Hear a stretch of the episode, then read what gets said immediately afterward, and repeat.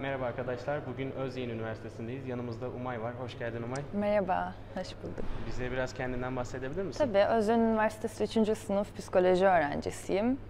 İtalyan Lisesi mezunuyum. Ee, psikoloji okuduğum için de mutluyum. Bu bölüme isteyerek girdim.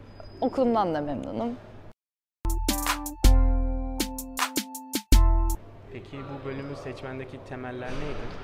Ya iki tane ilgi alanım vardı. Bir tanesi iç mimarlıktı, öbürü psikolojiydi. Psikolojinin daha topluma faydalı olacağını düşündüğüm için psikolojiyi seçtim. Bir de daha çok konuşabiliyorum o yüzden. Peki bize biraz bölümünden bahseder misin? Ne yapıyorsunuz? Tamam. Ee, bizim okulda e, psikoloji çok kapsamlı işleniyor. Hatta bazı daha e, üst puanlı kabul eden üniversitelerden farklı olarak daha yüksek lisans dersleri falan alıyoruz. O yüzden biraz zor. İngilizce okuyorum. Bundan memnunum çünkü daha rahat e, akademik bilgi alışverişi sağlıyor İngilizce okuduğunuz zaman.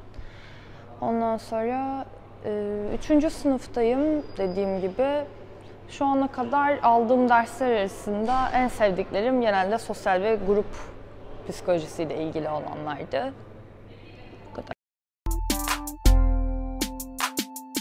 Peki biraz bahsettin ama bu bölümü bu okulda okumanın ne tarz ayrıcalıkları var? İşte etik olarak mesela etik dersi alıyoruz biz dördüncü sınıfta. Bu birçok okulun ders programında yok. Onun dışında akademik kadromuz çok güçlü. Ee, Danışan hocalarımızla iletişimimiz kuvvetli. Daha yeni yeni başlayan, e, gelenekselleştirmeye çalıştığımız bir takım aktiviteler yapmaya başladık. Mesela psikoloji günleri. Katılımcılar geliyor, başka okullardan profesörler geliyor. Veya e, research yarışması yapmaya başlandı bu sene. Herkes katılabiliyor. Bu okuldan olmak zorunda da değil. Böyle avantajları var. Bölümün staj olanakları neler? Ya bizim bölümün zorunlu stajı yok çünkü hadi deneyelim bakalım bir insanın psikolojisini tedavi edebiliyor musun diyemiyoruz doğal olarak. Yani biraz sıkıntılı olabilir. Ama eğer yapmak istersek anaokulu stajları olabiliyor ki gelişim psikolojisi için ya da e, öğren- öğrenme becerileri için mesela laboratuvar stajları olabiliyor, hastane stajları olabiliyor.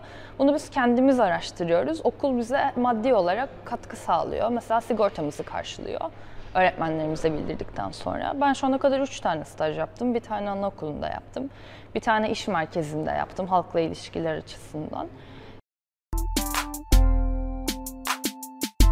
Peki bu bölümden mezun olduktan sonra iş hayatında aranan temel özellikler neler? İlk başta yüksek lisans yapmak durumundasınız eğer daha spesifik bir alana gitmek istiyorsanız. Çünkü biz burada genel olarak her şeyi öğreniyoruz ama bu mesela bizim klinik okumamıza izin vermiyor. Klinik için klinik master'ı yapmak zorundasın. Developmental için developmental master yapmak zorundasın.